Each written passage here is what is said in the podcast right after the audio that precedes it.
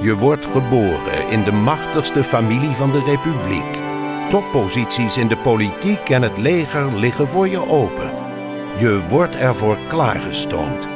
Maar wat zijn je ambities en hoe ga je ze realiseren? Het is de tijd van de oorlogen tegen Spanje, tegen Engeland, tegen Frankrijk. En dit is het verhaal van Willem van Oranje, Maurits, Frederik Hendrik, Willem II, Willem III en Johan Willem Frieso. En de keuzes die zij maakten tussen hun dynastie en het landsbelang. Dit zijn de Oranjes. Welkom in aflevering 5. Maurits, een genie komt tot bloei.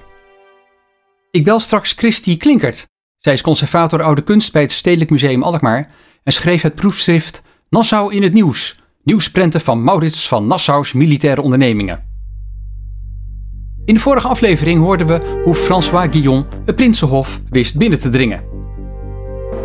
Op 10 juli 1584, een dinsdag, rond een uur of twee, schoot Guillon, alias Balthazar Gérard, de prins in zijn linkerzij. Het bleek een dodelijke wond. Willem van Oranje werd als stadhouder spoedig opgevolgd door zijn zoon Maurits. Maurits was opgegroeid op de Dilleburg, had gestudeerd in Heidelberg en Leiden. Hij was Calvinist, had een voorliefde voor schaken en het fokken van paarden. Voor deze hobby's heb je geduld nodig. Vooral toegepaste wiskunde had zijn hart. Vestingbouw, duikpakken, torpedo's, zeemijnen. Uniek aan het hof was dat hij als enige de Nederlandse taal beheerste. Iemand omschreef hem als robuust, onvermoeibaar. Hij leek qua gestalte kleiner dan hij in werkelijkheid was. Twee dagen na de moord schreef de Britse gezant Hurl aan koningin Elisabeth: Graaf Maurits is 17 jaar oud. Hij is zeer voortvarend, schrander en moedig. Heeft goudblond haar, is begiftigd met grote schranderheid en is goed ontwikkeld. Van de Fransen moet hij niks hebben. Hij doet mij sterk denken aan zijn grootvader van moederskant, Maurits van Saxen.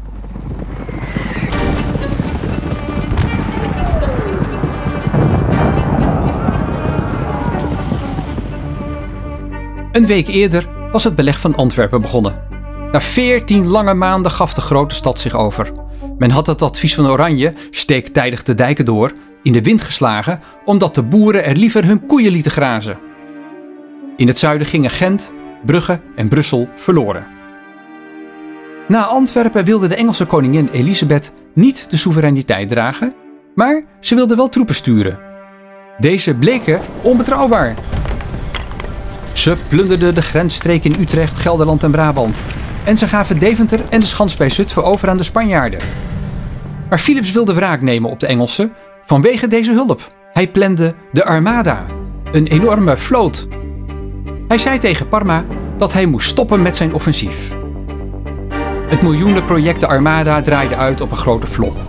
Schepen werden in brand gezet en andere vergingen in een storm. Door dit fiasco was de republiek gered. Nu werd het tijd voor de grote tegenaanval. Maurits neef Willem Lodewijk van Nassau had in Den Haag aangedrongen om de defensieve oorlogvoering te veranderen in een aanvallende. Zijn plan was de rivieren te gebruiken voor de militaire communicatie en transport. Hij wilde steden aan de rivieren, zoals Deventer of Zutphen aan de IJssel, Nijmegen aan de Waal en Venlo of Roermond aan de Maas.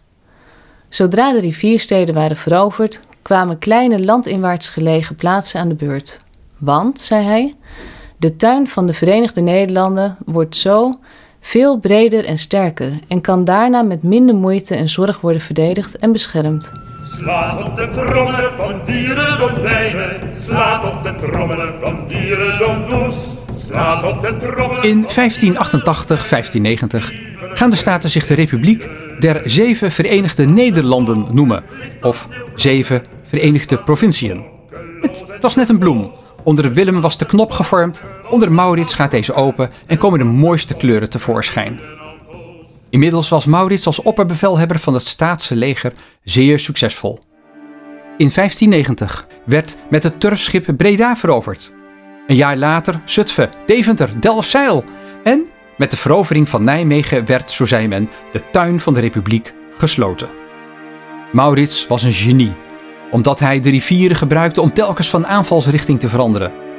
Hij oefende met een hogere vuursnelheid en hij had de militaire discipline versterkt. Zijn vader was daar al mee begonnen, hij maakte het af. Maurits opereerde behoedzaam, al dus de ambassadeur uit Venetië. Onder de eigenschappen van deze prins is zijn streven om zeer weinig aan het lot over te laten en zich door verstand en vastberadenheid te laten leiden, wat maakt dat al zijn soldaten, kapiteins en officieren hem blindelings volgen en gehoorzamen, want ze weten dat zij daarmee niet bedrogen uitkomen. Nog altijd spreken historici op grote congressen over de militaire revolutie, waarvan Maurits en Willem Lodewijk de hoofdrolspelers waren. Het allerzwaarste en langdurigste beleg ooit uit de Nederlandse geschiedenis was het beleg van Oostende.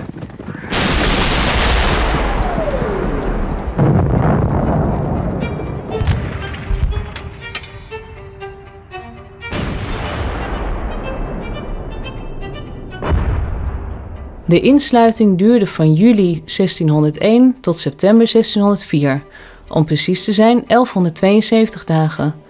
Dus langer dan de 900 dagen van Leningrad in de Tweede Wereldoorlog, maar korter dan het legendarische beleg van het klassieke Troje, dat tien jaar in beslag nam. Toen de stad toch eindelijk viel, was zowel aan Spaanse als aan Staatse kant de fut eruit.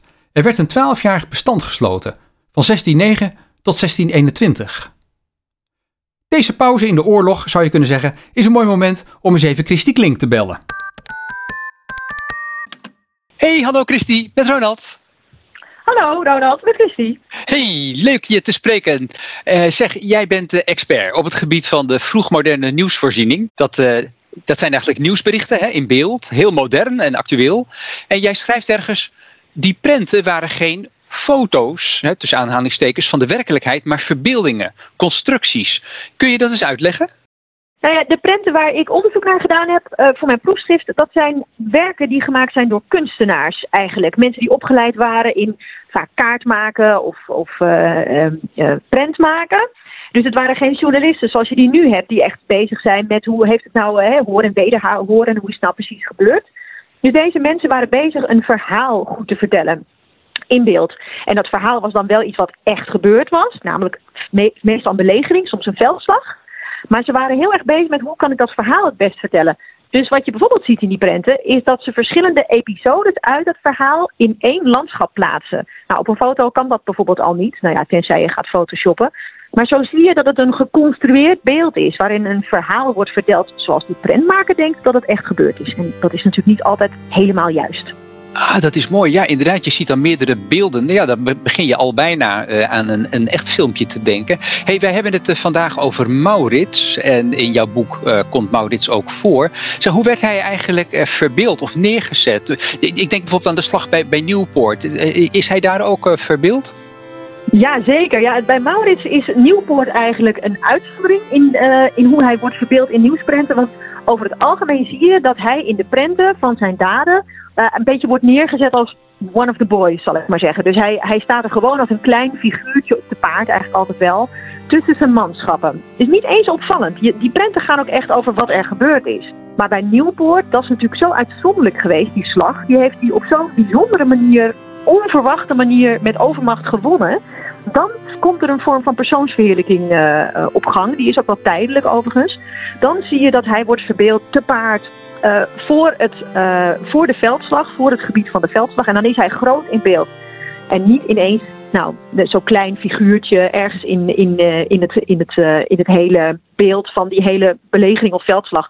Dus eigenlijk voor Nieuwpoort zie je meer een soort, laten we zeggen, actieverheerlijking. Dus een soort belegeringsverheerlijking. En bij Nieuwpoort zie je voor het eerst een soort van persoonsverheerlijking rond Maurits. Waarin wordt gezegd, nou kijk eens, dit is nou de grote held van deze slag.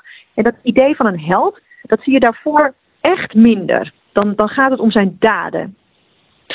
Dat is interessant dat je dat zegt. We, we, we, weten bijvoorbeeld dat Willem van Oranje, die werd een keertje geframed, zal ik maar zeggen, als een Mozes en als een verlosser. Hoe, hoe was dat bij Maurits? Nou, Maurits wordt in beeld in elk geval vooral neergezet als een zeer succesvolle generaal. En je ziet wel bij die nieuwsprenten, als ze wat groter en wat luxer zijn, dan staan er vaak ook uh, gedichten bij in het Latijn en soms in het Frans. En dan wordt er wel gesproken van een, een held en, de, en de, nou ja, laten we zeggen, de belofte voor de republiek. Maar in het algemeen, in beeld, is hij echt een legerleider. Hij wordt uh, over het algemeen in, in volle wapenrusting, te paard, voor het slagveld. Dat is waar hij goed in is. En ik denk dat hij daar ook alleen maar mee eens zal zijn geweest. Ja, ja, ja, ja. het was een echte militair. Hey, heb je ook ja. nepnieuws ontdekt? Uh, nepnieuws, dat vind ik altijd een beetje een lastig in verband met die prenten. Want uh, ik zou zelf liever willen zeggen uh, dat het gaat om heersee. Dus wat mensen van horen zeggen hadden.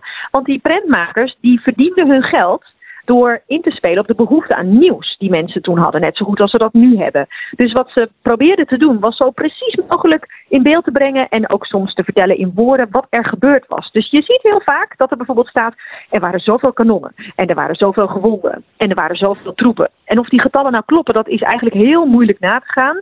Maar het feit dat ze die precieze getallen noemen, 104 of 2053, dat die getallen zo precies zijn, dat betekent dat ze proberen te in ieder geval de indruk te wekken dat het allemaal heel goed klopt. En ze noemen ook allemaal namen van wie er allemaal bij geweest zijn. Dus ze willen graag dat het klopt. Maar ze hebben natuurlijk geen internet en uh, nog niet zo heel goede postverbindingen als wij nu hebben. Geen radio, geen tv. Dus ze moeten het doen met wat ze van mensen weten.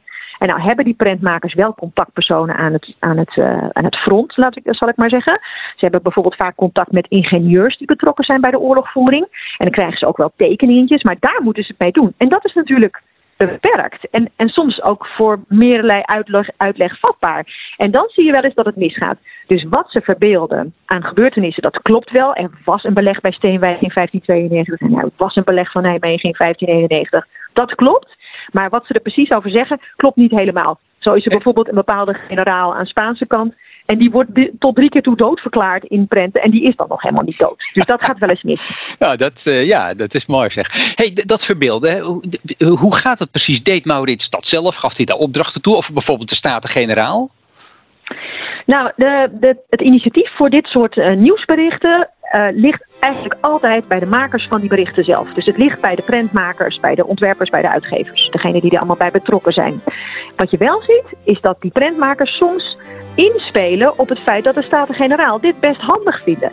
Als Maurits de slag bij Nieuwpoort heeft gewonnen, en dat is best wel iets waar ze trots op waren, want dat was een heel onverwachte overwinning, dan vinden ze het wel leuk als er een prent maken met grote, mooie prent komt waarop duidelijk wordt uitgelegd hoe precies dat gegaan is. En dan gaat zo'n prentmaker naar de Staten-Generaal die zegt, kijk eens, van die belangrijke overwinning heb ik een mooie grote prent gemaakt. En die kan ik ook eventueel voor je op zijde drukken en mooi kleuren, zodat je het kunt aanbieden aan een bevriende vorst of kunt tentoonstellen in de, wat nu de ridderzaal is, de grote zaal noemen ze dat.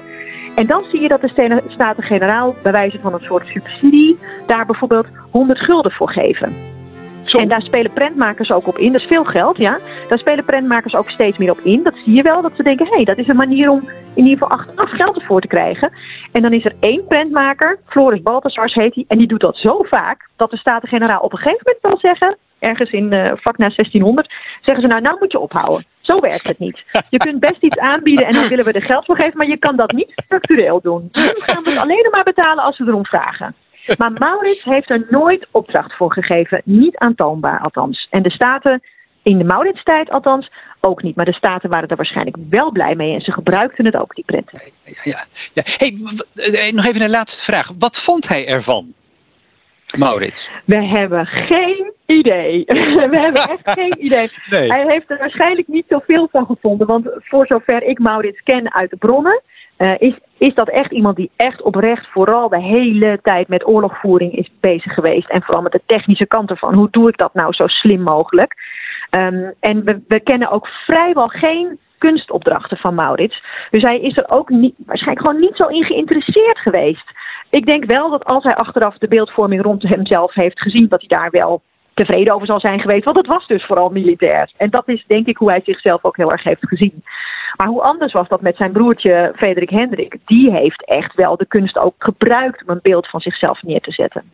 Aha, hey, maar nou moeten we stoppen, want over Frederik Hendrik gaan we het uh, een andere keer hebben. Maar dat, uh, jij hebt dan mooi de toon gezet. hey, mag ik je heel hartelijk bedanken, Christy, voor je, voor je uitleg. Erg interessant. Ik heb het graag gedaan. hey, tot ziens. Tot ziens.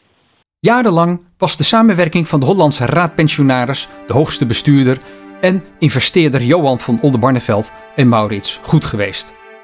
Maurits is ondenkbaar zonder Oldenbarneveld. De professionalisering van het staatse leger was zonder goede politieke ruggensteun en economische injectie nimmer gelukt. Als het gaat om erkenning van het primaat van de staten, betoonde Maurits zich 9 van de 10 keer uiterst loyaal. Ook al had hij zelf soms andere ambities en ideeën. Maar na een jaar of tien kregen Maurits en Oldenbarneveld ruzie. Dit had te maken met allerlei nieuwe Indische handelscompagnieën en die hadden vreselijk last van piraten in Duinkerken. Maurits kreeg opdracht om met het Staatse leger een landing uit te voeren in Vlaanderen. Maar het Spaanse leger haalde hem in. Dan, in 1600, vond de slag bij Nieuwpoort plaats. Maurits won deze slag, maar hij voelde zich verraden. Zijn mooie project, het Staatse leger, was bijna op één dag vernietigd door het Spaanse leger. Mensen zagen hem zijn geduld verliezen. Hij werd driftig. Hij begon op zijn boze moeder Anna van Saxe te lijken. Volgende keer, hoe loopt dit af?